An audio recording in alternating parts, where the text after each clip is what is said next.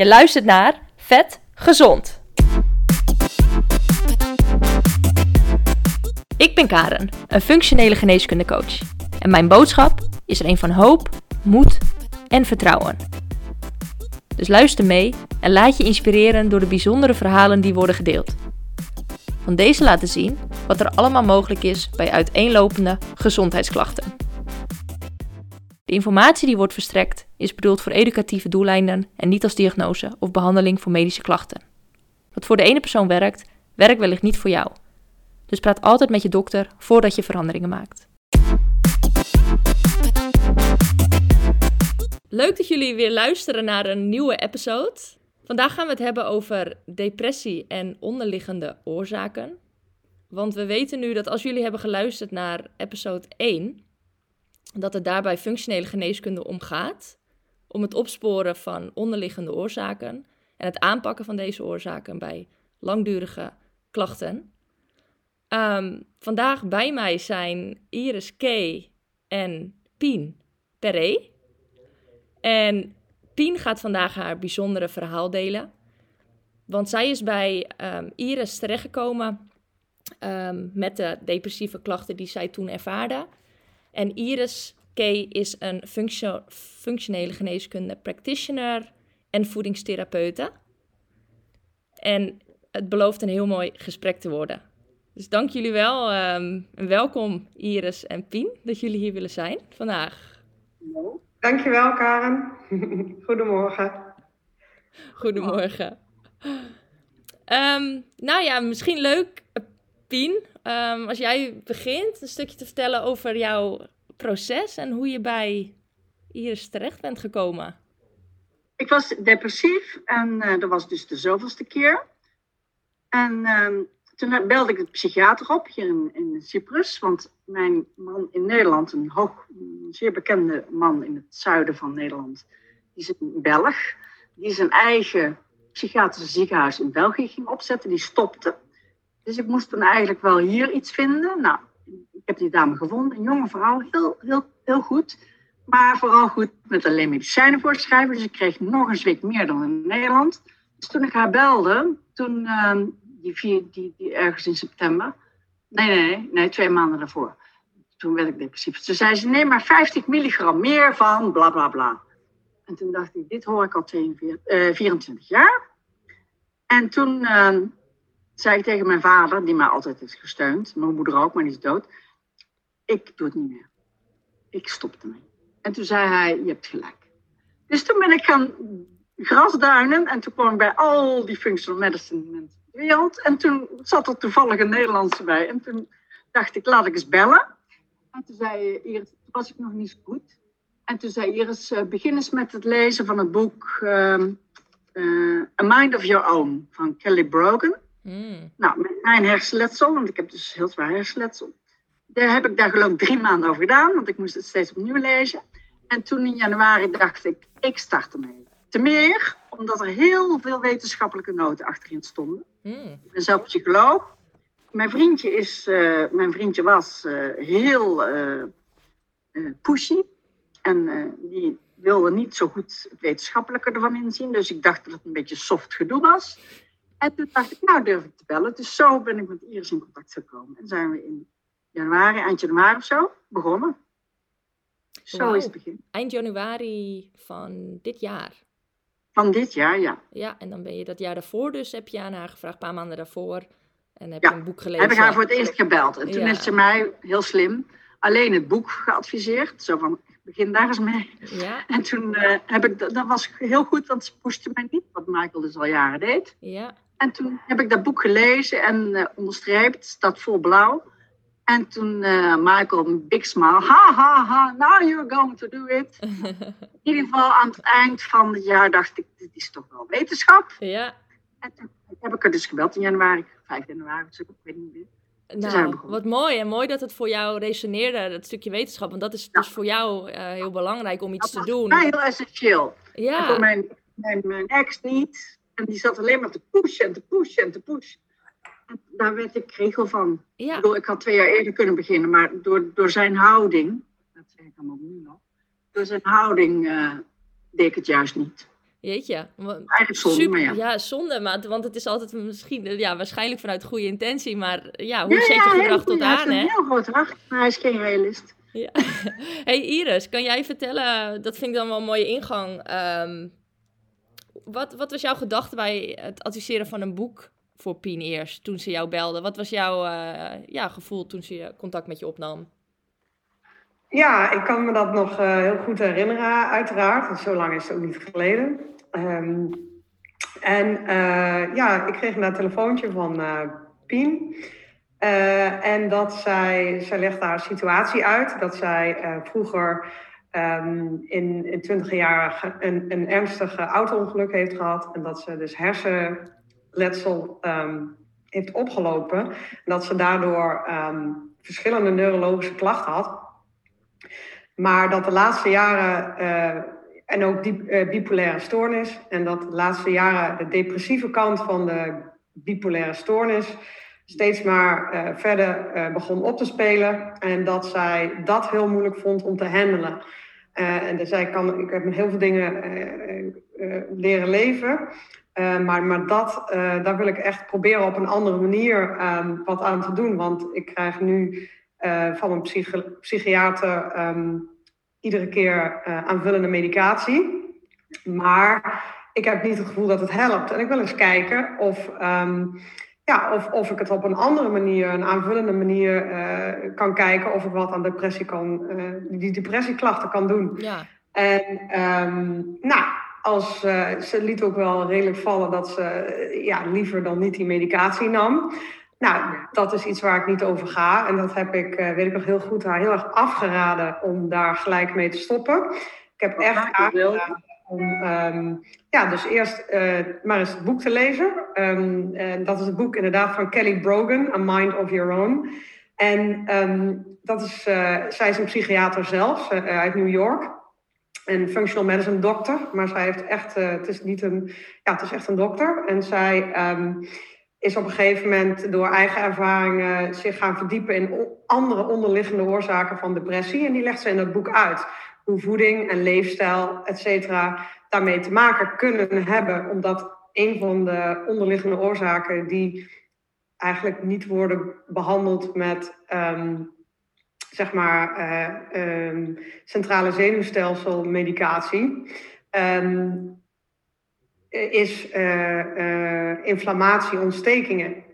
En um, nou, dat, dat legt ze onder andere uit het boek. En ik dacht, laat ik, um, omdat ze, ja, Pien kwam echt wel over als vastberaden, maar ook wel van nog een beetje zoekende wat, um, ja, of dit nou wel echt iets voor haar was. Uh, ja. En ik denk, nou, ga, ga eerst dat boek eens lezen.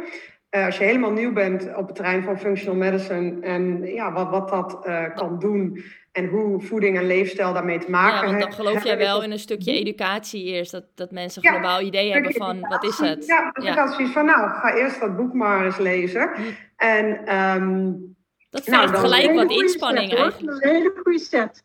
Ja. ja, ik bedoel, ik wist natuurlijk via Marco wat een en ander, maar wat ik zei, omdat hij me zo pushte, had ik daar toch mijn twijfels over. En door dat boek ben ja. ik echt. Ik bedoel, hij zei me natuurlijk heel veel wat goed was. Maar door het boek ben ik, zeg maar zeggen, omgeslagen. Komt dat denk je omdat je dan zelf, ja, zelf echt bent gaan zoeken? En je resoneerde natuurlijk met haar omdat ze ook psycholoog was. Denk ik. En jij ook. Wie, wie, wie je, is psycholoog? Omdat zij, Kelly Brogan. Wie? Zij is psychiater. Uh, ja, psychiater. Ja, oh, dus dat, sorry, ik, ik, ik, ben, ik ben psycholoog, oh, maar psychiater onder... heeft een medische achtergrond. Oh, oh, is dat het verschil? Ja, ik heb ooit een, een psychiater als ex gehad, dus ik weet... En mijn zus is arts, dus ik zit in de medische wereld. Oh. Maar ja, goed, in, in, die wereld. Door het onderzoek, ik heb als psycholoog ook veel onderzoek opzetten moeten maken, mm. niet leuk vond trouwens. Maar daardoor weet ik hoe belangrijk wetenschap is. En mijn vriendje sprak nooit over wetenschap, waardoor ik het niet... Het resoneerde niet. En door dat boek dacht ik, verdomd, het is een wetenschap. En toen ben ik er open voor. Oké. Okay. En toen, uh, toen belde ze je op, Iris, dat ze wel met je aan de slag wilde. Wat is ja, jullie, uh, ja, dat ja. vond ik echt wel... Uh, ja, het is ook wel eens zo dat je mensen iets aanbeveelt om te lezen en dan hoor je er niet meer van. Maar dat was bij Pien absoluut niet zo. Dus uh, toen belde ze inderdaad een paar maanden later uh, nog vastberaden daar uh, en helemaal klaar voor op. Klaar voor actie. Nou, ik, heb, ik, heb, het boek gelezen en kom maar door. ik wil met je aan de slag. Nou, dat is te gek. Ja, te gek als, dan, als dat dan je, iemand je advies dan, ja, dan dat, waarvan het ook lukt om het je advies op te volgen. Want dat is best wel al een, een hoe zeg je dat? Een flinke stap voor iemand om dat te doen. Het vraagt al veel van de persoon, cliënt zelf. Gedragsverandering, dat heb ik gedaan in mijn studie. en dat, dat, is een heel proces. Ja, en bij mij is denk ik de frustratie zo groot geweest. Want sinds ik met de psychiatrie in aanraking kwam, die 19 of 20 was, kreeg ik mijn eerste medicijnen. En met name toen ik opgesloten zat in een uh, hoe noem het, gesloten inrichting, omdat ik zelfmoordpogingen heb gedaan, nogal fanatiek. Mm. Toen zat ik, en dan zie je die wereld, en het is rampzalig, het is gewoon een gevangenis, in mijn ogen, Malla. En, en ik wilde altijd stoppen met die medicijnen. Maar dat werd natuurlijk niet zo gestimuleerd. Dus voor mij was het ook een proces van denk 24 jaar dat ik kon zeggen, en nou stop ik ermee. Mm. Deze wijze. Maar dat heeft dus denk ik ook. Want ik was afhankelijk. Ik was zo depressief en zo, zo suicidaal dat ik. Uh, uh, ja, ik durfde ook niet te stoppen. Mijn zus is arts. Uh, mijn vader is medisch circuit. Dus iedereen zat in de reguliere hoek. En, dus iedereen zei, maar je hebt die medicijnen nodig. Mijn moeder, zelfs zwaar depressief, Malla. Chronisch, sorry, chronisch. Ja. Je kunt niet stoppen, je kunt niet stoppen. Nou, en dat is toch twintig jaar mijn achtergrond geweest. Ja, Tot Mike uh... daar verandering in ging brengen. Met de medicine. Maar die deed het zo extreem dat ik daar, zou ik maar zeggen, geswitcht was tussen die twee benaderingen. Ja. En eindelijk heb ik dus de stap naar Iris gezet en daar ben ik heel blij mee. Ja, en dat boek is het bruggetje voor je geweest. Nou, van hé, hey, er is misschien hoop, het kan misschien. Ik heb een voorbeeld gezien hier. Ja, um, ja. ja. Ik zou het zeker adviseren aan andere mensen ook. Oké. Okay, ik, nou, Kelly Brogan en Mind of Your Own voor degene die uh, nu luistert. Um, Oké, en, en toen, um, wat is jullie. Ja, ik laat ik even open wie, wie daarop wil uh, antwoorden. Maar wat is jullie eerste stap toen geweest? Hoe. Dan zeg, ik zeg jij maar, want mijn geheugen is niet geweldig. nou, dat, dat kan ik inderdaad overnemen. Um, ja, we, zijn, ik heb gekeken uiteraard uh, wat, ja, hoe ik... Hoe ik um, ja, wat doe jij als eerste als iemand dan bij je komt? Ja, ik heb natuurlijk uh, een praktijk waar mensen komen die um, op zoek zijn naar advies over hoe je voeding en leefstijl kunt um, inpassen op een wetenschappelijke manier, wetenschappelijk onderbouwde manier, om, hè, om, om chronische ziektes en chronische klachten um, ja, op een aanvullende manier uh, te ondersteunen. En um, ja, nou, wat doe ik dan als iemand? Nou, die, die, hè, die, die, die had ik telefonisch aan de lijn, want ze woont in Cyprus. Ze is een Nederlandse, maar ze, is, uh, ze woont in Cyprus. Dus ik heb haar um, tot augustus dit jaar had ik haar nog nooit live gezien. Mm. Uh, en heb eigenlijk alles uh, over de telefoon gedaan. Um, omdat zij um, ja, haar, haar, neurologische klachten dermate waren, zoals uh, korte termijn geheugenverlies, hebben ook dingen opgenomen op band. En heb ik haar dingen uh, extra uitgeschreven. En dat verzocht ze mij. En, um, dat was ook nou, wel nieuw, denk ik. Dus, is dat, wat, iets wat, is dat iets wat jij vaker doet dan, dan het opnemen? Nee, nee, nee, nee. Dus ik had wel een beetje iets van, uh, oh jee. Uh, nou, begin was het zoeken, dus jullie samenwerking was zoeken? Ja, het was... Nou, ook omdat ik was zo onhandig in het begin met uh, digitaal invullen van alle formulieren. Mm. Dat een vriendin die mij hielp zei, stop hiermee, want het geeft je veel te veel stress. Dit kun jij niet. Mm. Dus toen moest ik met foto's van uh, apps alle ingevulde formulieren sturen en zo. Nou, was een hoop gedoe natuurlijk voor Iris. Maar ik had zoiets van, doe, ja, ik kan het niet anders nu. Ja. Ik, vandaag dag ben ik daar heel, handig, heel wat handiger in. Maar toen zei ze, dat is toch simpel, dat kun je toch invullen? Nou, dat was het dus absoluut niet. Nee, en toen hebben jullie dus echt om te denken. voor oudere mensen waar je mee samenwerkt, of mensen die niet zo slim zijn met computers, is dat wel een, wel een grote trend. Ja, nou. dat is iets, iets praktisch. Ja. Ja. Nou, de Maar ik heb praktische kant is het belangrijk. niet- Ja, Ja. ja. Nou, dus blij- dat was een beetje zoeken in het begin. Ja. En dat gaf misschien wat irritatie. Maar uiteindelijk hebben we dat helemaal opgelost. Dus toen hebben Ja. jullie de sessies... op- Precies, jullie hebben het opgelost en er is eh, altijd Ja, een mogelijkheid. Ja. Ja. Zeker, want ik begreep eh, dat ik eh, met Pien ja, iets anders moest communiceren en eigenlijk moest uitleggen. En eh, ook uitleggen op schrift. En, eh, en toen op een gegeven moment had ik het. Ik ben zelf ook niet, niet zo heel erg goed ehm, met ehm, de digitale aspecten van, van Dus daar mijn lagen wel praktijk. wat eh, uitdagingen Maar- voor jou. Ja, dus ik heb op een gegeven moment gedacht van, hé, hey, we gaan het opnemen, de gesprekken. En dat ging, eh, vanaf toen ging Heel goed. het, eh, als ik haar Heel goed. Ja. gaf, eh, die ik natuurlijk ook in persoonlijke plannen op schrift aan haar stuurde, kon ze de uitleg van de plannen, want functional medicine, functionele geneeskunde, gaat heel erg om, als je bij mij ehm, voor een voedingsadvies komt over hoe je hè, je klachten kunt, ehm, ehm, eh, kunt ondersteunen om die te proberen te verminderen, dan, ehm, ja, dan, dan, dan krijg je een persoonlijk plan, maar ook een uitleg over waarom je die punten doet. Het is niet Hmm. dat ik jou een standaard protocol dan geef. Dat is juist niet wat functionele geneeskunde is. Dat is een ehm, ja, gepersonaliseerde aanpak over precies ehm, ja, aangepast op, op de persoon. Ja. En, en, en dat is iets, de uitleg waarom, dat was voor Pien heel erg belangrijk. Omdat, en dat, ja, ik vind dat dat voor iedereen eh, heel erg belangrijk moet zijn. En, en ik vind dat zeker belangrijk, dat mensen als ze dingen gaan aanpassen, in dieet of leefstijl, dat ze weten Mhm. waarom ze dat moeten doen. En dus ik, heb, ik ben begonnen met Pien uit te leggen wat ik denk. Ehm, wat, wat onderliggende oorzaken van haar depressieve klachten kunnen zijn. En eh, hoe, ze daar, ehm, hoe je daar dus met voeding en leefstijl wat aan kan doen. Ehm, dus ik heb waar, waar veel, zeg maar, waar weinig aandacht naar uitgaat in het brein, is dat 90% van het brein bestaat uit immuuncellen, uit glial cells. En ehm, dat bij een hersenbeschadiging, eh, zoals een hersentrauma, zoals echt is vastgesteld door Pien, eh, bij Pien, en omdat zij dus dat ongeluk heeft gehad, was dat niet gissen.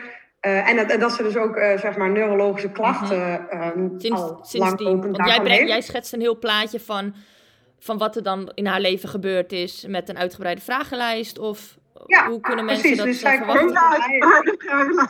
Ja, dus die vragenlijst, sorry, ging, ging misschien iets te snel. Maar inderdaad, wat ik gewoon wil weten van eh, als iemand bij mij komt, en zeker met, met zo'n, ja, altijd, eh, is, is wat, wat, wat de medische gebeurtenissen en andere gebeurtenissen in het, in het hele leven zijn geweest, waarvan eerdere diagnoses je hebt gehad, wat voor ehm, hè, dus eh, hersentrauma in dit geval is heel belangrijk. Eh, ja, wat, wat je eet, wat je drinkt, eh, hoe de gezondheid van je moeder was, hoe je ter wereld gekomen bent. Dat Heel begint goed vroeg al. heel goed. Ja, Want dat, heb ik al jaren gemist. Dat heb ik 24 jaar gemist. Dat mensen alleen maar medisch naar die medisch. Dit was, vond ik een heerlijk iets. Hmm. Heel zo breed was. Hoe was het voor jou, Pien? Hoe was het voor jou, Pien, om dat toen in te vullen? Kreeg jij daar nog zelf inzichten van toen jij je geschiedenis zo Jawel, invulde? jawel, jawel. Kijk, ik ben psycholoog. Kijk, en ik heb 24 jaar in een. eh, nou ja, ik moet zeggen, de laatste jaren is er natuurlijk wat mindfulness gekomen. En, maar toen ik dus opgenomen was in een gesloten inrichting, was het enige wat de psychiatrie bood. Dan mochten we met zo'n groepje idioten onder begeleiding van een sociaal verpleegkundige naar buiten. Want lopen was gezond. Nou, dan zakten we daar allemaal in dat vreselijke vrederust. Dat heette dan vrederust, die inrichting. En dan vervolgens kwamen we thuis en dan dook ik weer in mijn bed. En dat was het dan. Ja. Ik bedoel, dat, want lopen was gezond. Nou, nu, de laatste keer dat ik bij de psychiater, die Belgische psychiater in Nederland was. Wanneer was dat? Twee, twee, 2012 of zo. Toen was mindfulness in opkomst. Dus toen suggereerde hij mij, zwaar depressief, ga toch leuk mindfulness doen. Maar daar hield het dan ook mee op. Hmm. En dat deed ik natuurlijk niet, want ik was te depressief. Dus de holistische aanpak Ja. is voor mij zeer, zeer, zeer eh, waardevol geweest. Hmm. Mooi. Kun jij wellicht even kort schetsen, want je ervaarde hoe, welke, welke klachten of hoe het uitte in jouw leven, welke symptomen ervaarde je, welke, hoe, hoe was dat voor je? Voor Neurologisch of, of de, de, de, de hersenletsel of de depressie Ja, beide eigenlijk, waardoor misschien mensen herkenning kunnen vinden, die nou, misschien ook... Vul me aan als ik iets vergeet. uh, nou, uh, wat betreft dat, ik heb dus zwaar hersenletsel. Het vervelende is voor heel veel mensen, je ziet niks aan mij. Ik zit niet in een rolstoel. Maar als we nog uur doorpraten, hoor je het wel aan mijn stem. Maar ehm, ik, uh, ik, ik kon dus niet meer praten na het auto-ongeluk. Ik was linkszijdig verlamd. Ik kon niet meer denken. Mijn korte termijn geheugen was heel kort. Dus mijn moeder maakte tekeningen, die kunstenares mm. was. Wat er gebeurd was, heel simpel, met een ambulance en een bult op mijn hoofd en dergelijke. Maar dan werd dat in een kastje gestopt en de volgende dag was het, goppie, weet je waarom je hier bent? Nee. Dan heb je toch gisteren allemaal getekend. Nou, werd opgehangen door de verpleegkundige. En zo langzaam maar zeker, na anderhalf jaar revalideren, neuropsycholoog, logopedist, fysiotherapeut, ergotherapeut bij het revalidatiecentrum, werd ik ontslagen. En, uh, maar mijn cognitieve functies waren zo slecht. Dus mijn hele carrière, ik had vier banen voor het ongeluk. Dat was kapot. Dus ik zat onder een, onder een boom in een stoel en dat was mijn leven. Nou, lang, toen op een gegeven moment, na een jaar, kwam ik erachter dat ik alles verloren had. Toen probeerde ik zelfmoord te plegen en alles. Toen zei de psychiatrie, je bent niet meer unipolair, maar bipolair. Door het hersenletsel. Whatever. Ik bedoel, dat neem je dan aan. Hmm. En toen ben ik langzaam maar zeker mijn leven met een arbeidsdeskundige op gaan pakken van de tegenpartij. Want de man die het ongeluk veroorzaakt, heeft uiteindelijk de verzekering uh, economische constructie. Mijn vader is econoom, die heeft daar acht jaar over gedaan. Dus die ergonoom die moest proberen om mij aan de slag te krijgen. Maar zelfs voor baby's zorgen kon niet meer, want ik vergat de baby's boven te slapen. En uiteindelijk werd mij geadviseerd door het Centrum voor Motoriek en Cognitie in Nijmegen. Doe nou gewoon vrijwilligerswerk en stop met proberen een mm. baantje te vinden. Zelfs stoppen verkopen zat er niet in. Mhm. Tot groot verdriet van mijn vader, want ik vergat dan wat ik terug moest geven. Nou ja, bla bla bla. Gelukkig heb ik toen vrijwilligerswerk gedaan bij een aanbodcentrum.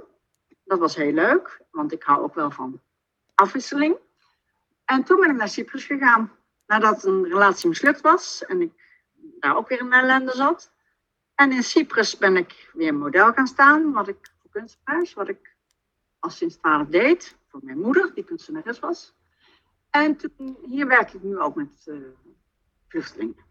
Dus dat is mijn werk. Wat een ehm, verschil. En dan kijk ik nu naar wie er tegenover me zit. En zo'n krachtige, krachtige, positieve vrouw en alles wat je hebt, uh, hebt meegemaakt. Dat is echt, ja, wauw. Applaus voor jou dat je ook, ook bent blijven doorgaan en bent blijven kijken. Ja, maar het is wel een paar keer flink misgegaan Juist, nou ja, dat hoor ik ook aan je. Dat ik nog wonder. Ja, dat, dat is... Uh, menig, menig partner kan dat beamen, Mala. Wat een contrast hè, wat de contrast het kan zijn dan. Ja. Het is een groot contrast, maar mede door functional medicine, dat wil ik toch even zeggen. Ja. Uh, want ik ben voor de depressie gekomen, want dat, is, dat was heel erg. Met het hersenletsel kon ik op een gegeven moment wel omgaan. Ja. Maar met depressies kon ik niet omgaan, waardoor ik me terugtrok in mijn bed. Ja.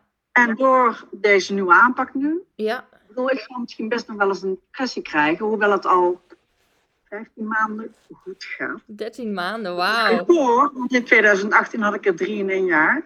Dus ik ga 4 december, dan is het 15 maanden, met mijn psychiater hier, Eleni Antonio, praten. En ze weet nog niet waarover, want ze denkt dat ik medicijnen wow. nodig heb, maar ik niet. Dus ik ga dan naar haar toe om te vertellen dat functional medicine, wat Michael ook al tegen haar zei drie jaar geleden, toch wel wat heeft weet niet hoe ze daarop zou reageren. Want toen ik kwam, februari of zo, 5 februari, om te zeggen dat ik wilde gaan afbouwen, toen vond ze dat helemaal niks. Oké. En ze was, oh, ik ben zo bezorgd en doe het nou niet. Ik zeg, nou, dan ga ik naar een ander. En toen uiteindelijk mocht ik dan een halfje minder van die ik ben heel benieuwd. Wat mooi dat je dat, dat je dat aan haar gaat vertellen. En uh, dat gesprek gewoon met haar gaat. Want ik vind dat zij dat moet weten. Ja, dan kan ze ook weer wat mee. Ze zal daar waarschijnlijk niks mee doen. Want ze, ze, heeft mij verzwaar onder de medicijnen gestopt. Ja. En elke keer als ik wilde afbouwen was het nee, nee, nee, nee, nee. Maar in het boek heb ik ook gelezen, als je zo lang medicijnen slikt, wat ik dus 24 jaar gedaan heb, Ja. dan gaat het tegen je werken. Dus die drie keer dat ik met medicijnen depressief werd, dat komt als een bijwerking Want- van de veelheid aan medicijnen. Hoe is dat nu? Slik je nu op dit moment nog medicatie? Ik heb nog, ik ben een beetje agressief de laatste tijd, ook door wat problemen met de buurman. Dus ik heb nog één stemmingsstabilisator. Wat is de naam? Even kijken. Eh lamotrigine, 50 gram. Die hou ik er nog maar even in, voor de zekerheid. En ik slik nog 12,5 milligram. En dan lacht zij hard, want ze zegt, neem nou toch gewoon 50, dat is niks. Maar met die 12,5 milligram die ik af en toe slik, omdat ik nou gewoon normaal moe ben, dus ik heb het eigenlijk niet meer nodig. Soms dan ben ik wat druk in mijn hoofd, dus dan doe ik dat. Dat is keatipine, retard. Nou ja, in ieder geval, dat is een antipsychoticum. Maar dat werkt ook om je wat makkelijker te doen slapen. En zelfs als ik 12,5 milligram neem, in plaats van 50, dan heb ik ochtends nog een houten kop. Maar nou ja, soms Ja. wil ik wel eens eventjes dat nodig hebben. Ja, nou zo zie je wel dat het mooi complementair eh, aan elkaar is, hè? De aanpassingen die je doet. Zo zie je wel dat het mooi complementair aan elkaar is. En dat je het ook echt nodig hebt in en langzaam afbouwen. Dat je voor jezelf Ja. aanvoelt. Dat is heel belangrijk. Ja, want Heel voel jij van Daar heeft jezelf... het mij goed mee geholpen. Oké. Dus dat ga ik haar ook zeggen. Want elke keer hadden we contact. Ik heb daar niks voor betaald. Dus ik dacht, laat ik nou nog één keer betaald naar haar toe gaan. Want ze vond wat niet nodig dat ik betaalde. Maar ze heeft mij dus wel gecoacht eh, in het afbouwen. En Michael zei altijd tegen mij, stop die rotzooi. Ik zei, nee, dat kan niet, Michael. Nee. Stop hem nou. Nee, dat Nou, voelde dat jij heeft ook. zij gelukkig gedaan. Dat heeft zij goed gedaan. Super. Ja. Hey, Ja, dat heb ik ook, ehm, als ik daar Heb even op gezegd? in, dat, ehm, dat was ook precies wat ik. ehm, ik, adv- ja, ik adviseer natuurlijk helemaal niet over medicatie. Maar ehm, ja. is dat iets wat alleen in- doktoren dan eh, mogen doen, officieel? Ja, zeker. Ja. zeker. Daar heb ik helemaal niks over te zeggen. En dat is ook wat ik Pien heel erg duidelijk heb gemaakt. Ja. Maar als zij het per se wil, dat zij dus contact ook moet nemen met haar eh, psychiater. En, ehm, maar dat ik haar echt afraden, omdat ze ja, zoiets had van ik stop er morgen mee. Zei ik van nou, lees dat, dat was ook een van de redenen waarom ik zei lees dat boek maar. Want eh, daar heeft, geeft iemand wel handvaten hoe je het anders kunt aanpakken. Maar daarbij is het niet een goed idee om dan cold turkey, zeg maar, Nee, te verkeerd aanpakken. Ja. Dat is absoluut niet goed. En ja, ik bedoel, als iemand dat per se wel wil, dan altijd. Dus heel fijn dat haar psychiater daar dus. eh, Heel Ja, maar ik wil wel opmerken voor andere mensen die dus depressief zijn. Dit is een vreselijk moeilijke weg. Want de reguliere psychiatrie, dat heb ik inmiddels van anderen ook gehoord, zal alles doen om jou aan die medicijnen te houden. Hmm, Puur omdat ik tegen haar zei, dan ga ik naar een ander. Want ik was inmiddels door het boek en door Michael, mhm. was ik genoeg overtuigd van de functional medicine. Maar als ik niet voet bij stuk had gehouden, dan Mhm. had zij mij aan de medicijnen gehouden en dan was ik niet begonnen met Dus je wil zeggen dat je heel veel zelf, de kracht in jezelf moet vinden om Ja, daarin ja. vol te En er houden. zijn heel veel mensen die dat misschien niet hebben, omdat ze nog twijfelen. Ja, Ik bedoel, het boek was voor mij doorslaggevend om na 24 jaar te zeggen, ik stop het. kijk. Mijn vader stond achter me, terwijl hij altijd heeft gezegd, Pien, medicijnen blijven slikken tot je doodgaat. Hmm, Ik bedoel, dat is een heel proces geweest. Dus mensen die nu misschien vijf jaar in de depressie zitten en aan de medicijnen, dat weet ik van de ex-psychiater waar ik ook mee heb geleefd. mhm. Dat was een hele leuke vent, die ook aan supplementen deed en aan yoga en weet ik dan wat. Maar die zei wel, met name in het begin, medicijn is goed voor het eerste begin. Hmm. En ik weet een heleboel psychiaters die zo niet denken. Ik ben afgestudeerd op zijn werkwijze. Gelukkig dat iemand dat wilde doen. Maar een heleboel psychiaters die blijven bij het heilige huisje, medicijnen, dat is het belangrijkste. Dus dat is niet eenvoudig als je depressief bent en krijgt medicijnen om af te bouwen. Nee. moet je heel assertief zijn. Hmm. Nou, mooi. Mooi om mee te geven. Ehm, Ja. Iris, hoe, zei, hoe, hoe, hoe ben je toen op zoek gegaan naar die onderliggende oorzaken dan? En wat kwam eruit en wat zijn jullie eerste stappen geweest? Nou ja, we hebben, eh, omdat ze in Cyprus eh, wonen, hebben we eigenlijk helemaal niet. Normaal doe ik bijvoorbeeld een darmbacterietest en een eh, eh, uric acid metabolite test, een vitamine en mineralen status en dergelijke te achterhalen. Want dat, want dat doe jij wel. Dat jij, Ja, maar jij later wel, hè? Later wel. Later wel, ja. Want jij later werkt ook met met testen. Soms met testen werk je soms mee. Ja, zeker. Zeker, dat is, uh, kan heel erg belangrijk zijn. Um, uh, dat, ja, dat is heel erg belangrijk. Um, soms, soms om mee te weten idee. Ja, zeker. Ja, ja, zeker. Maar ja, je moet ook een beetje roeien met de riemen die je hebt. Mm -hmm. uh, en um, wat, wat in ieder geval voor mij buiten kijf stond, ook kijkend naar haar dieet, is, hè, want ik moet ook blijven, en dat is heel erg belangrijk, dat je blijft bij de taak die ik heb. Ik ben een voedingstherapeut. Dus ik kan op voeding en leefstijl ingrijpen. En ik weet wat daar de effecten van zijn. Ook wetenschappelijk onderbouwd. En ik weet dat, je, dat, dat zij, uh, Pien, uh, inflammatie, dus ontstekingen in het brein heeft. Want die, die glialcels, dus het immuunsysteem in het brein, wat een apart um, immuunsysteem is, los van het immuunsysteem in de rest van je lijf, dat mhm. dat uh, geactiveerd moet zijn omdat zij ja, dus een hersentrauma heeft. En door dat ongeluk een zwaar hersenletsel heeft. Dus dat was voor mij niet dat ik daar een test voor hoefde te doen, want dat is een gegeven. Ook in de literatuur en in de wetenschappelijke um, artikelen is het heel erg evident dat als je zo'n dermate ongeluk hebt gehad, dat jouw glialcels zijn, dus je immuunsysteem van je brein is geactiveerd. Dus dat was voor mij een gegeven dat zij uh, heel veel inflammatie heeft daar.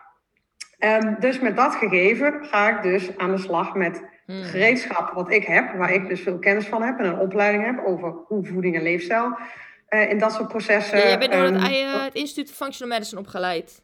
Ja, ik ben, ik, ben, uh, ik ben inderdaad opgeleid um, eerst als uh, nutritional therapist in Londen en daarna bij het IFM, het Instituut for Functional Medicine um, in de Verenigde Staten. En ja, dus, dus dan ga ik, waar ga ik dan kijken van, nou, wat, wat eet zij? Zo simpel is het. Dus dan ben ik gaan heel kijken. Suiker.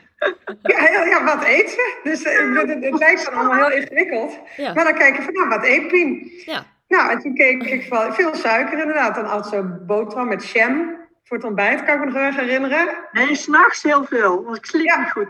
Je sliep niet goed? Dus dat is natuurlijk ook een leeftijd. Koekjes en chocola, alles. Dus je, ging, uh, je, ging, je wilde je energie uh, s'nachts halen uit eten in plaats van uit slaap? ja, je kreeg nou, het niet uit Nee, het was, gewoon, het was gewoon een verslaving. Ik was okay. echt verslaafd. Oh, ja? Ik vond het vreselijk om te stoppen met suiker. Ja. Ik, vond, ik vond het helemaal niet leuk wat Iris allemaal zei. Nee.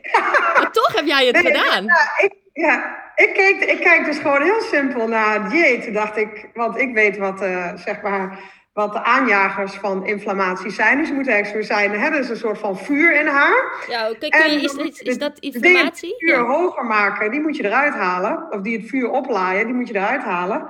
Uh, dus daar ben ik eigenlijk mee begonnen. Dus ik ben eigenlijk mee begonnen um, om, om dingen die heel erg ontstekingsbevorderend zijn eruit te halen. Dat is suiker bij haar nummer één die ook in de vorm van uh, snelle koolhydraten. Dus niet alleen jam en koekjes en snoepjes, wat uh, koekjes had ze wel.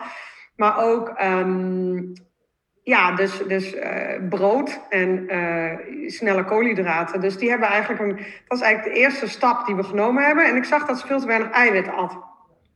Dus ik heb eigenlijk begonnen met dat ze eiwitten bij elke maaltijd moest eten. Dus eigenlijk meer vlees, vis, et cetera. Dat vond ze ook lekker, want vis is. Heb nu echt kippen. Wat zei je, Kim? Ik heb, nu, ik heb nu een heleboel kippen zelf. Ja, nou, kippen, ja. Ik eet gans aan de eieren. Ja. ja, dus dat, eh, daar heb ik nou... Dat is en zaden. Dat noten ja, en zaden. Dat zaden. Ja, dus, um, allerlei kleuren groenten.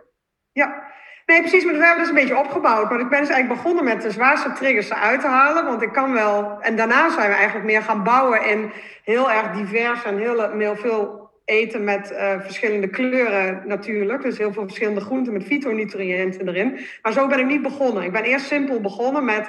Ja, we moeten eerst die suikerafhankelijkheid eruit werken. Want dan ja. gaat ze ook beter slapen. En ze dronk ook best veel koffie. En ik was heel erg gericht op wel dat ze beter moest gaan slapen. Want als je dus hersenletsel hebt, dan heb je heel veel slaap nodig.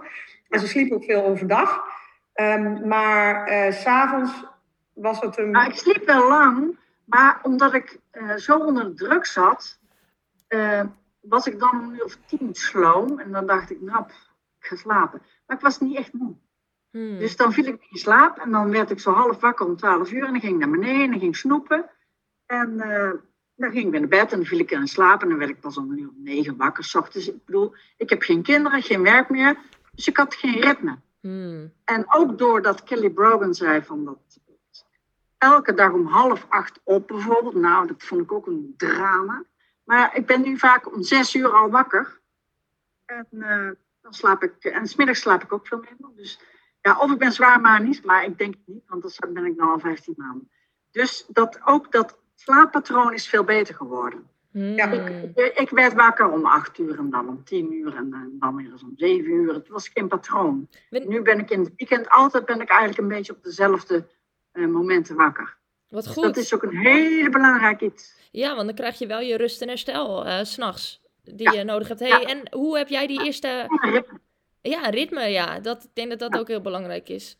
Ehm, Ja, want ik had geen werk en geen kinderen, dus ik hoefde nooit eruit. Nee. Nee. Dus dan creëer je En ook een ook heel... met mijn depressie nu, stel dat ik er een krijg, dan hoop ik dat mijn biologische klok inmiddels zo is geprogrammeerd Hmm. dat ik toch uit mijn bed kom. Want dat is mijn dilemma, dat ik in mijn bed blijf voor maanden. Waardoor ik op een gegeven moment niet meer kan lopen. Hmm. Zo erg. Ja. Dus ik hoop nu, als het me overkomt, je weet het maar nooit, het zit genetisch nogal in de familie, dat, eh, dat ik dan door die, die biologische klok in ieder geval wel weer uitkom. En Ja. dus ook blijf zwemmen en bewegen, wat ook heel goed is. En nou ja, dat ik het op een andere manier kan hanteren. Ja. Depressie. Hoe. Als, hè? Als, als, Als, het ooit als. goed Ja, inderdaad. Als. Fingers crossed. Nou, over die constipatie wil ik nog één ding zeggen. Ik was dus eh, erg geconstipeerd. Ook waarschijnlijk door alle medicijnen hoor. Want dat was bij alle medicijnen die ik slikte de bijwerking. Maar ik ging maar zo'n twee, drie keer per week naar het toilet. En dan kostte het me heel veel moeite. Zware constipatie. En door de functional medicine eh, heb ik nu zachte ontlasting. En soms zelfs wat twee keer per dag. En dat werd maar ooit, vijf jaar geleden, door een dame die een colonic deed, gezegd dat dat normaal was. En toen had ik zoiets van, nou ja zeg, idioot, twee keer per dag. Maar dat gebeurt dus soms nu ook. En als ik dan eh, of suiker of gluten of stress, denk ik ook, heb, eh, heb ik soms af en toe de laatste maanden wel eens dat constipatie heb. Maar dat voer ik dan terug aan de verkeerde lunch of ja, nu dan misschien ook stress. Maar in ieder geval eh, is die constipatie eh, zo goed als over. En ik ga dus heel regelmatig naar het toilet, bijna elke dag.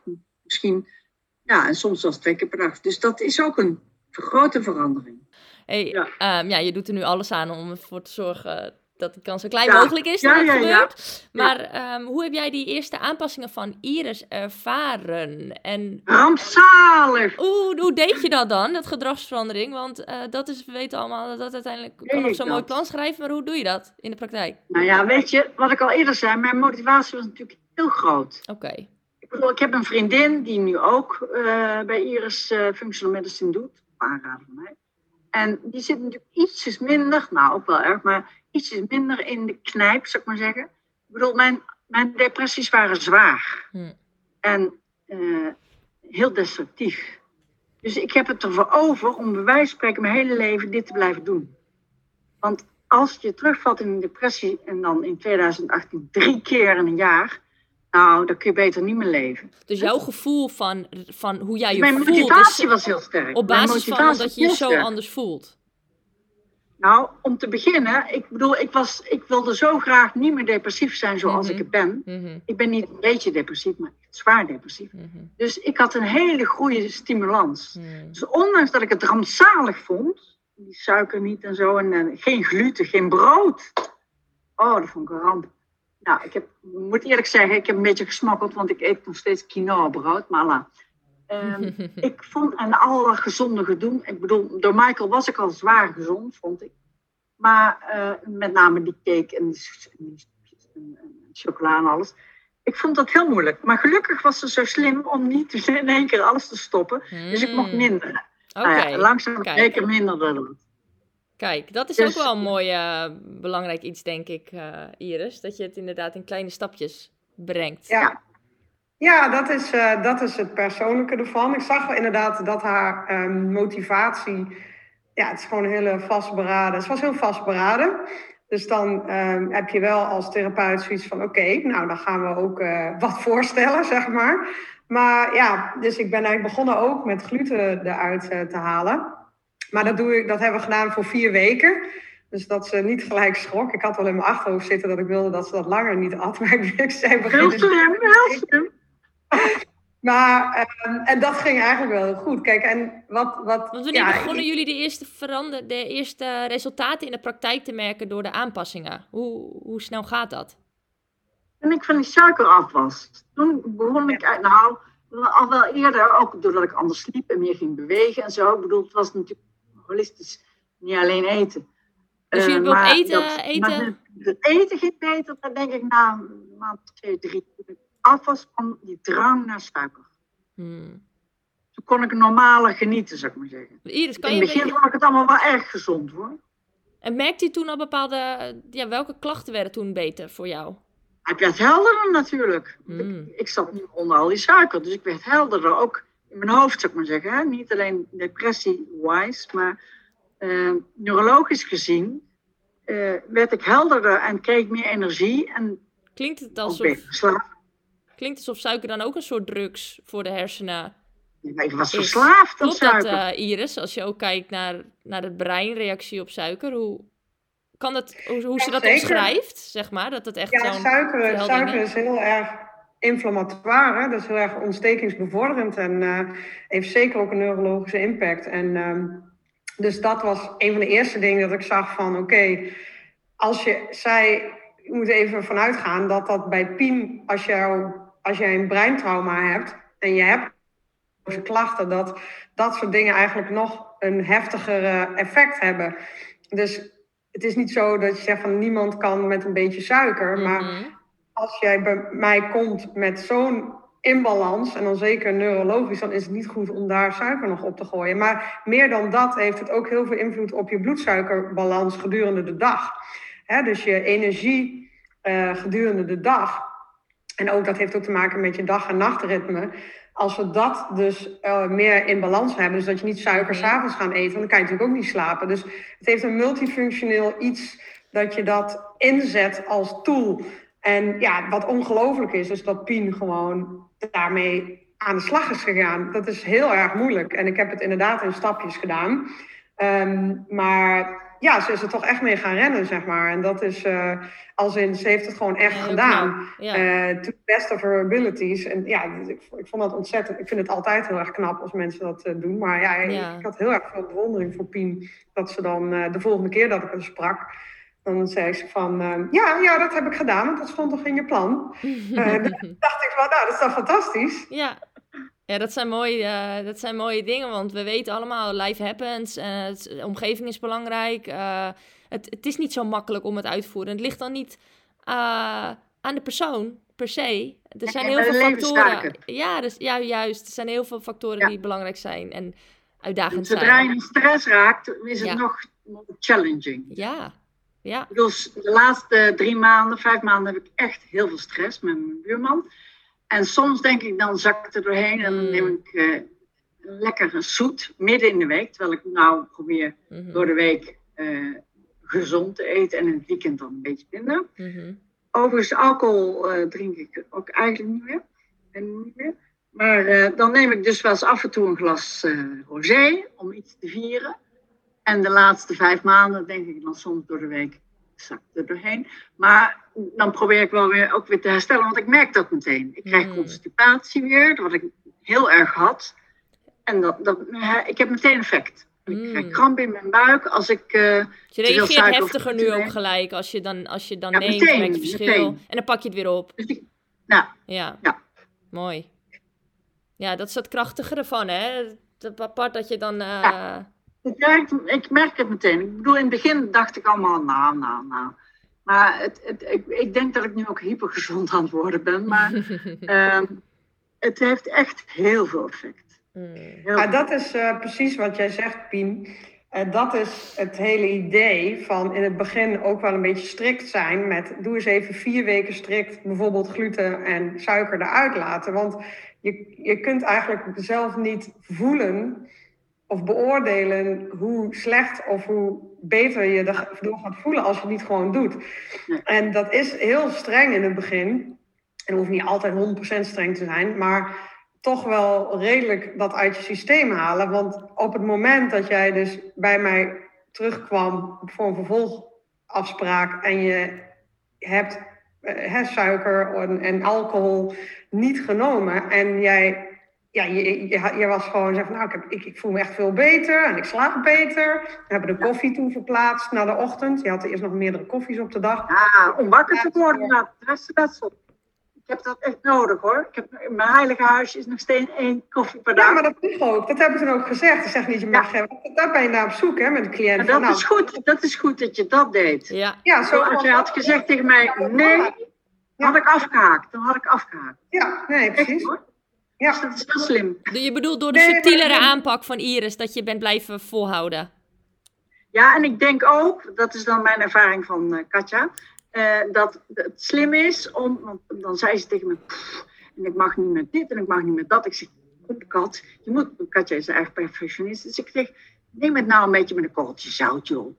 He, omdat ik voelde dat dat soms, voor sommige mensen kan dat net te veel zijn, te zeggen, ik haak af. Ja. Ja, dat denk ik ook. Dat heb ik ook gezien. Het is heel belangrijk om het goed te doen. Maar soms heeft iemand even, want dat heeft ze met mij ook gedaan. Ik wou er helemaal niet aan, aan geen suiker en gluten. Nee. Dus ik heb het afgebouwd in stapjes. Het is je gedrag, hè? Het is... Sommige mensen gedragsmatig, hè? Ja. Dat nodig is. De ene zal het andere dan de ander. En ik denk dat het soms wel nodig is om een beetje ruimte te hebben. Mhm. En dan later ontdekken ze zelf wel Mm. wat het belang is van helemaal geen suiker of helemaal geen gluten. En dat is het ja. mooie als je dan uiteindelijk zelf inderdaad die keuze kunt maken. In plaats dat het van buitenaf gezegd wordt, maar dat je het gaat voelen en op basis daarvan Ja. keuzes maakt. Dat is veel beter. Ja, Absoluut. Daar wil je naartoe. Want anders eh, val je uiteindelijk altijd weer terug in wat je ervoor Ja. deed als je niet gevoeld hebt Ja. wat het heeft gedaan. Ja. Speciaal als je dan eh, levensproblemen hebt die op je pad komen, Mhm. is het zo makkelijk. Dat is ook met mensen die willen afkicken van drugs. Zodra er dan iets gebeurt in de familie, ram beginnen ze weer. Ik Hmm. bedoel, het is goed dat je rustig die balans krijgt. Dan denk ik dat je het langer kan gaan volhouden. Welke, als jij nu weer, zijn er bepaalde gewoontes die echt gewoon makkelijker in zitten waarvan je denkt, oh, maar dat doe ik makkelijk. Ook als er een eh, heftige gebeurtenis is, dan doe ik nog steeds mijn rondje zwemmen of dan doe ik nog steeds Ja. even wandelen of Ja. eh, een groente eten. Wat is, wat is bij jou Ja. echt een gewoonte geworden dan? Ja, ik woon dus, dus temporary hier, dus ik ben ook in Nederland. Maar als ik hier ben, dan is de zee, want ik woon vlakbij zee, eh, is mijn redding. Ik bedoel, ik, eh, zeker met dit klimaat hier, ik zwem nog steeds. En dat is heel gezond. Michael zei altijd, die, dat zwemmen is het belangrijkste. Mhm. Nou weet ik niet of dat waar is, maar en ik beweeg veel, ik loop veel. Dat zit erin. Eh, ik denk ook dat veel dingen van het eten er wel in zitten, echt. Ik adem anders. Hmm. Ik heb gemerkt dat als ik beter ademhaal, dat vergeet ik wel. Maar als ik dan bij zee ben, denk ik, oh ja, ademen. Was dat en ook dat in jullie plan? energie. Zat dat, stond dat ook in het plan? Stond dat ook in het plan? Ja, ja, ja. Ademhaling? En dat weet ik. Ik heb een vriendin die aan eh, transformational breathing doet. Maar dat weet ik dan, maar ik doe het niet. Hmm.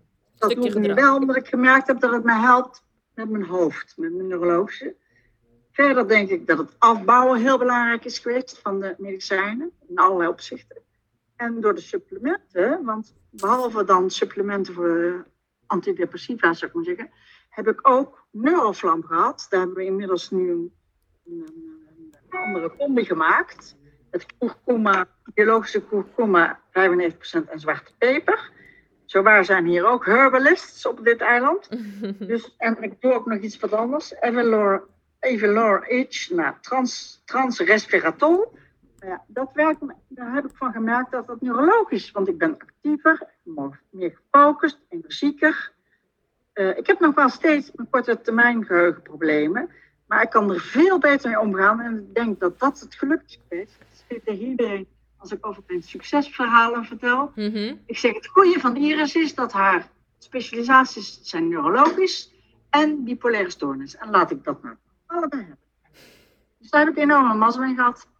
Geweldig dat je haar gevonden hebt, inderdaad. Ja. Online. Ja. Eh, daar Online. is bijzonder, En ik hè? was daar heel blij mee, want ik zei, ja, ik ga, ik ga over een paar weken weer terug naar Cyprus. Ja, maar ik doe ook Zoom. Nou, dat was voor mij een nieuwe wereld. Maar door Zoom hebben wij elkaar kunnen, of heeft zij mij eh, kunnen helpen. Hmm. Anders had ik het nooit kunnen doen, want ik zat in Cyprus. Ja, Nou, nou. kan je nagaan dat jullie het gewoon Ja. online hebben kunnen doen. De digitale wereld Digitale heeft ons wereld. iets gegeven. Ja. alles geeft iets moois. Als we er zo ja. naar Elk kijken. voordeel heeft zijn nadeel, hè? Juist. Zeker.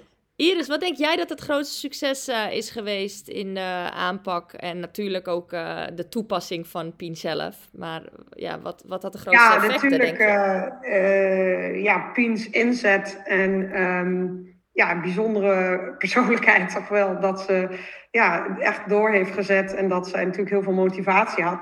Eh, maar buiten dat denk ik ehm, dat ja, heel veel mensen zijn op zoek naar één, onder, ja, één trigger of één oorzaak of één super supplement of één ehm, superfood die het verschil maakt. Maar dat is ook wat ik eh, met, met Pien besproken heb. En dat is precies wat zij ehm, eh, heel erg begreep. Dat het multifactoraal is. Eh, en dus dat je en slaap is belangrijk. Er zijn een aantal cruciale factoren. En op al die factoren heeft, ehm, ja, heeft Pien... Er stonden natuurlijk dingen van in, van in het plan. Ehm, Ja, dus je noemde al slaap, ademhaling, Slaap. voeding, beweging. slaap was slecht en die hebben we heel, heel erg verbeterd. Ehm, bewegen deed ze al redelijk goed, maar die heeft ze eh, geïntensiveerd. Dus die, dat is intensiever gaan doen, maar dat was al redelijk eh, goed. Eh, eh, haar zwemmen Slaapvoeding bijvoorbeeld. Slaapvoeding was het ja, grootste. haar dieet heeft ze natuurlijk een gigantische aanpassingen bij gemaakt. Dus het is een combinatie van op alle mogelijke... Medicijnen? Ja, precies. Maar op Ja. alle mogelijke de ontstekingsbevorderende elementen ombuigen in voeding voor ja, Hmm. voeding lichaam. Dus de, Mm. de dingen die de ontstekingen bevorderen eruit halen en antioxidanten en ontstekingsremmende zaken toe te voegen. Dat is eigenlijk Zorgen dat en het lichaam weer sterker wordt en dus Ja, daar weer energie van uithaalt. Als je, niet, als je niet voldoende slaapt, is dat ehm, Ja. heel erg eh, ja, een, een stressor voor het brein en voor het lichaam. Dus je Mm. probeert de stressors eruit te halen. Dus dat hebben we dus omgebogen in iets positiefs. Wat het juist geeft aan het lichaam, wat het lichaam heelt. Want je kan van alles doen met voeding en supplementen. Maar als je niet slaapt, ja, dan, eh, dan helpt het niet. Dus ik denk dat het is omdat ze op alle eigenlijk onderdelen van die belangrijk zijn om ehm, het lichaam te voeden en te steunen. Hè, dus slaap, ehm, eh, beweging, voeding. eh, dat ze daar allemaal naar heeft gekeken en niet naar één ding. En ook ademhaling, want eh, oxygenatie voor het brein, dus voldoende zuurstof naar het brein brengen. En zeker, zeker naar het brein wat, ehm, eh, zeg maar, ehm, ja, eh, eh, zeker het brein van Pien, wat, wat dus duidelijk eh, dysfunctioneel is, eh, was. eh, om daar gewoon extra voor te zorgen. Hmm. Eh, en dat, dat, heeft ze, dat heeft ze gedaan. En, ik, en dan, ja, natuurlijk zijn er een paar supplementen geweest die, we, die, die antioxidanten voor het brein bevatten. eh, die, daarbij, die, die specifiek zeg maar, de, de bloed-brein-baan eh, kunnen Ondersteunen. oversteken. Want dat kunnen niet alle antioxidanten. Die hebben we bijvoorbeeld toegevoegd, maar ook heel erg Want dat zijn dan ehm, supplementen waar jij dan eh, ook in bent opgeleid, welke specifiek eh, ter ondersteuning Ja. zijn. Ja, ja, dat, maar Ja, dat, die- ja, heel die, goed die, ook, helpen, hoor. die helpen niet als, als Pien niet de basis heeft gedaan. Dan werkt het Ah, gewoon niet. Nee. Dus je begint altijd bij die basis en eh Absoluut. kan pas aanvullen vanuit daar. Hmm. Absoluut. Nog één aanvulling. Ik weet niet of ik het goed zeg, maar parasympathisch eten, zeg ik dat goed? Ja? Sorry? Parasympathisch eten, dat heb je mij ook geleerd. Parasympathisch Oh, eten. eten. Toch? Zei je dat toch? Zeker. Ja, in ieder geval dat je dus minder schrokkig eet, maar ik Ja. merk het nu, als ik iets te snel eet, want ik eet nu altijd, het laatste heb ik mijn bord leeg, maar dat geeft absoluut betere vertering. Wauw, een betere spijsvertering? Door gewoon langzaam eten. eh, Ja, en ja. dat doen een heleboel mensen niet, want iedereen, zeker in Nederland, is gestrest. Dus dan moet binnen 10 minuten alles naar binnen. Ja. Ja, door snel te eten. Zeker, dat is eh, wat je veel ziet, ja. Ja, dat is ook heel belangrijk, denk ik. En ik wil nog één opmerking maken. Eh, eh, dit is een, hoe noem je dat? Eh, voor Linda LeBlanc, dat is een Canadese vrouw die ik hier ontmoet heb. Die werkt met het Amerikaanse Monroe Institute, waar ze aan hemisync doet. Dat is een heel, heel gedoe. Dat is een patent scientifically and clinically proven Audio Guidance Technology. Is dat HoloSync? Bedoel jij HoloSync? Nou, nee, HemiSync. Hemi. Hemi. En het is eh, na 40 jaar onderzoek, dat is dus heel lang, Monroe Institute, dat draai ik sinds de ellende met de buurman en met mijn partner, wel twee of drie keer per dag. Ik heb ooit een onderzoek met haar gedaan in 2007, op wat het effect daarvan is van die technologie op mijn hersenletsel. Daar hebben we ook een artikel over geschreven, is allemaal naar Amerika gestuurd. Maar die methode gebruik ik heel veel en dat doet mij ook Hmm, mooie toevoeging. Ja. Want is dat, ja, als jullie dan tips zouden willen geven aan mensen die eh, ook depressieve klachten ervaren. Nou, dan heb jij al gezegd, Pien, het boek. Ehm, nou, jouw methode HemiSync. Ja. Ehm, En ik heb nog een boek gekregen, maar door de stress ben ik daar nog niet aan begonnen. Why isn't my brain, eh, why isn't my brain working? Van dat is Karazian. Zeg ik het goed? Why is it my Nou, brain daar begin ik graag in, maar dat is er nog niet van gekomen. Ik ben al drie maanden aan het plan. Ja, dat heb ik jou ook aanbevolen, Pin. Dat ik dan nog slimmer word. Mooi, Ja. dus je- ja, nog meer educatie had je aanbevolen, Ja. Iris. Ja, nee, ze, bij de, onze laatste ontmoeting in. Ja. Toen hebben we elkaar voor het eerst live gezien, hè, Pien? Ja. Toen, was ze dus, toen hebben we dus al acht maanden hadden we samen gewerkt. En toen nou, was er dus heel veel vooruitgang gemaakt. En toen hebben we in augustus is ze live een keer bij mij, toen ze in bezoek was in Leuk. Nederland, bij mij gekomen. Dat was heel leuk. En toen heb ik, als natuurlijk, eh, ja, ze was heel enthousiast en ze wilde eigenlijk eh, ja, ook het verhaal, ook de wetenschappelijke kant daarvan nog wel meer lezen. En, ehm, en toen heb ik haar het boek inderdaad van Datis Karazian, eh, Why is my brain not working, aanbevolen. En ehm, ik heb zelf eh, ook cursussen, gevo- opleidingen gevolgd aan het uh, Karazian Instituut, dus het instituut van Oh. deze Amerikaanse dokter. En ehm, ja, hij, hij heeft het dus over breininflammatie en hersenletsel en ehm, Mm. bijvoorbeeld. Dus eh, dat, eh, ja, dat is eh, heel goed voor mensen ook om te onderzoeken. Maar ja, tips als je dat hebt, ik denk gewoon. ehm, Ja, wat zouden ja. jouw tips inderdaad in de basis zijn voor mensen die Nou, luisteren? kijk verder. Kijk verder dan. ehm, ja, kijk, verder. Voel goed van of jij, als jij denkt dat er misschien andere dingen meespelen Mm. ehm, bij jouw chronische klachten of chronische neurologische klachten. dat zijn zeker wetenschappelijk onderlegde andere mogelijkheden die leiden tot bijvoorbeeld uiteindelijk eh, neurologische klachten zoals bipolaire stoornissen en depressie. En ehm, ja, ik denk dat het belangrijk is dat mensen eh, dat weten, dat er verschillende mogelijkheden zijn. En om die te onderzoeken. En wat voor de een werkt, werkt natuurlijk niet per se voor de ander, omdat elke onderliggende oorzaak anders is. En de cocktail die dan uiteindelijk eh, helpt, die, kan, die is Mm. ook anders per persoon. Ja. Maar ik denk dat het belangrijk is dat mensen weten, dus educatie, dat er andere mogelijkheden zijn, want dat geeft hoop. Mooi. Absoluut. En dat is precies het doel van deze podcast die we opnemen. Precies wat je zegt. nou dat ik in vier woorden zeg wat ik ervan vond? Ik wilde dat inderdaad aan je vragen, Pien. Kun jij, ja, kun jij, eh, vind ik een leuke vraag. Kun jij in vier woorden zeggen wat functional Ja, ik- voor jou ik betekend gebruik mijn papieren geheugen. Eh, mijn eerste ding was, eh, dat ik, daar heb ik intuïtief om zes opgeschreven. Dus ik, ik weet niet precies de betekenis van mijn woorden. Maar mijn eerste woord wat opkwam was, dit functional medicine is voor mij life-saving en een game changer. De tweede is dat ik weer de zigeuner ben van voor het ongeluk. Met demonstreren en injustice. Er is hier een hoop in Cyprus. Wauw. Dus ik ben weer een beetje meer zoals ik was voor het ongeluk, 24 jaar geleden. Het derde, ik ben veel gezonder en ik heb emoties. Dus ik haal ook meer. Mm. Eh, en ehm, even kijken, het vierde, ik ben heel dankbaar. En wat ik eerder zei, ik hoop beter om te kunnen gaan met mijn depressie als het nog weer eens op mijn pad komt. Wauw. Dat is mijn, ding. Dat is een hoop, Pien. En ik ben zo Ja. blij voor je dat functional medicine op jouw manier op je pad is gekomen. En dat, dat het jou geraakt heeft. En dat je daarin jouw oplossingen gevonden heeft. Die jou verder hebben geholpen. Eh, en dat je je nu voelt zo als je je voelt. En ja, dat je zo je proces verder door kunt met veel meer mogelijkheden en hoop eigenlijk. Ja, absoluut. Ik zou het iedereen aanraden. Hmm, Nee, ik ook. ik denk dat het echt... Ten meer Ja. omdat ik heel lang de frustratie heb gehad toen ik opgenomen was in die gesloten inrichting. Twee keer heb ik daar gezeten.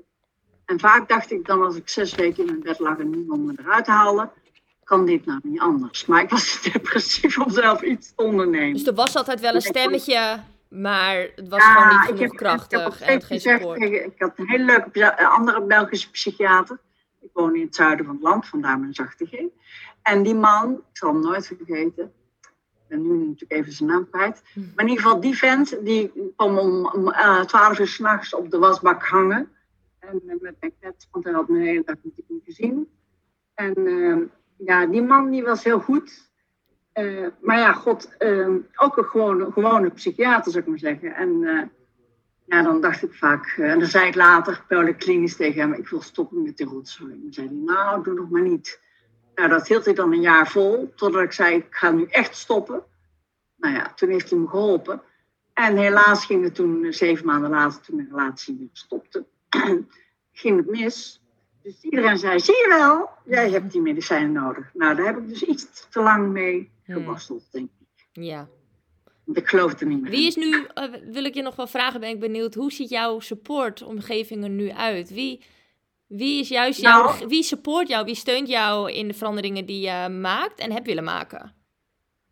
Nou, in eerste instantie natuurlijk Michael, want die, die, eh, is, die studeert het ook in Amerika.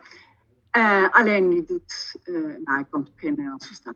Hij, eh, hij doet geen examens en dat is heel zonde, want hij weet heel veel over gezondheid, misschien net zoveel als Iris. Maar hij zit er niet zo goed om in daden. Dus die heeft mij zeer gestimuleerd en die heeft het zaadje ook Ja, geplant. dat zei je. Ja. En, en met hem heb ik acht jaar ook zeer gezond geleefd. Maar ik had natuurlijk nog mijn, eh, mijn chocola en mijn zoet en alles.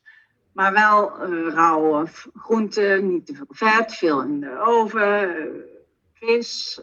En een vriendin, vriendin, vriendin in je omgeving? Die, eh, Nou, ook wel een beetje. Maar de beste nu heb ik ook contact met een Griekse eh, vriend. En die is ook heel gezond. Oké. Dus dat is dan eh, van nee, nee, nee, geef de kinderen geen zoet. Want dan wil ik als een soort van oma, hij is opa. Wil ik dan die kinderen een beetje verwennen. Nee, nee, nee, geen zoet. Dus die, die, die steunt mij nu ook nog. Maar ik denk dat ik het zelf eigenlijk niet wel weet. Ja. Ik denk, ik ben even alleen, dus ik, ik eh, weer. En ik, ik heb niet echt steun meer nodig. Omdat ik Hmm. zelf heb ervaren dat het gewoon goed is. Wat mooi. Ja. Hey Iris, hoe, hoe ziet jullie processen nu samen verder uit? Hoe, hoe schetst de toekomst? Zijn jullie klaar al? Eh, gaan jullie nog door met begeleiding? Ehm, nou, we hebben in augustus, dus de laatste, afgelopen augustus, eh, volgens mij was het juli, of in ieder geval van de zomer. Nee, eind augustus. Nee, Ja. begin augustus. Ja, begin ja. 10 augustus. Goed geheugen, Pien. Ja, dat is de verjaardag van een andere ex. Oké. hebben wij ehm, ja, eigenlijk even gezegd van, nou, ze is zo blij met de resultaten nu en hè, dat eh, hoe haar leven nu is, eh, dat we gewoon even niet meer regulier ehm, afspreken en even zien hoe het gaat. Ik heb ehm, wel aangegeven dat eh, we hebben dus bij Pien wel wat testen gedaan, ook via huis en bloedtesten en zo, maar je kunt natuurlijk je, je, je darmmicrobioom eh, met uitgebreide onderzoeken en vitamine en mineralen onderzoeken. Wat we eigenlijk, dat soort ingewikkelde onderzoeken hebben we eigenlijk helemaal niet gedaan. Maar je kunt nog verder optimaliseren natuurlijk. En dat heb ik ook tegen Pien gezegd. Van nou, als je voelt dat je je minder voelt. ehm, zijn dingen, dan kunnen we gewoon kijken hoe we dat, eh, hoe we dat eh, dan weer ehm, misschien wat verder nog eh, ehm, zaken aanpassen en onderzoek doen. Maar ehm, ja, het is wel heel erg belangrijk omdat zij een chronische conditie heeft. Dat ze dus, dat hebben we echt afgesproken. Dat het is niet zo dat zij dan kan stoppen met het gezond leven. Want zij heeft. Hele leven, hè?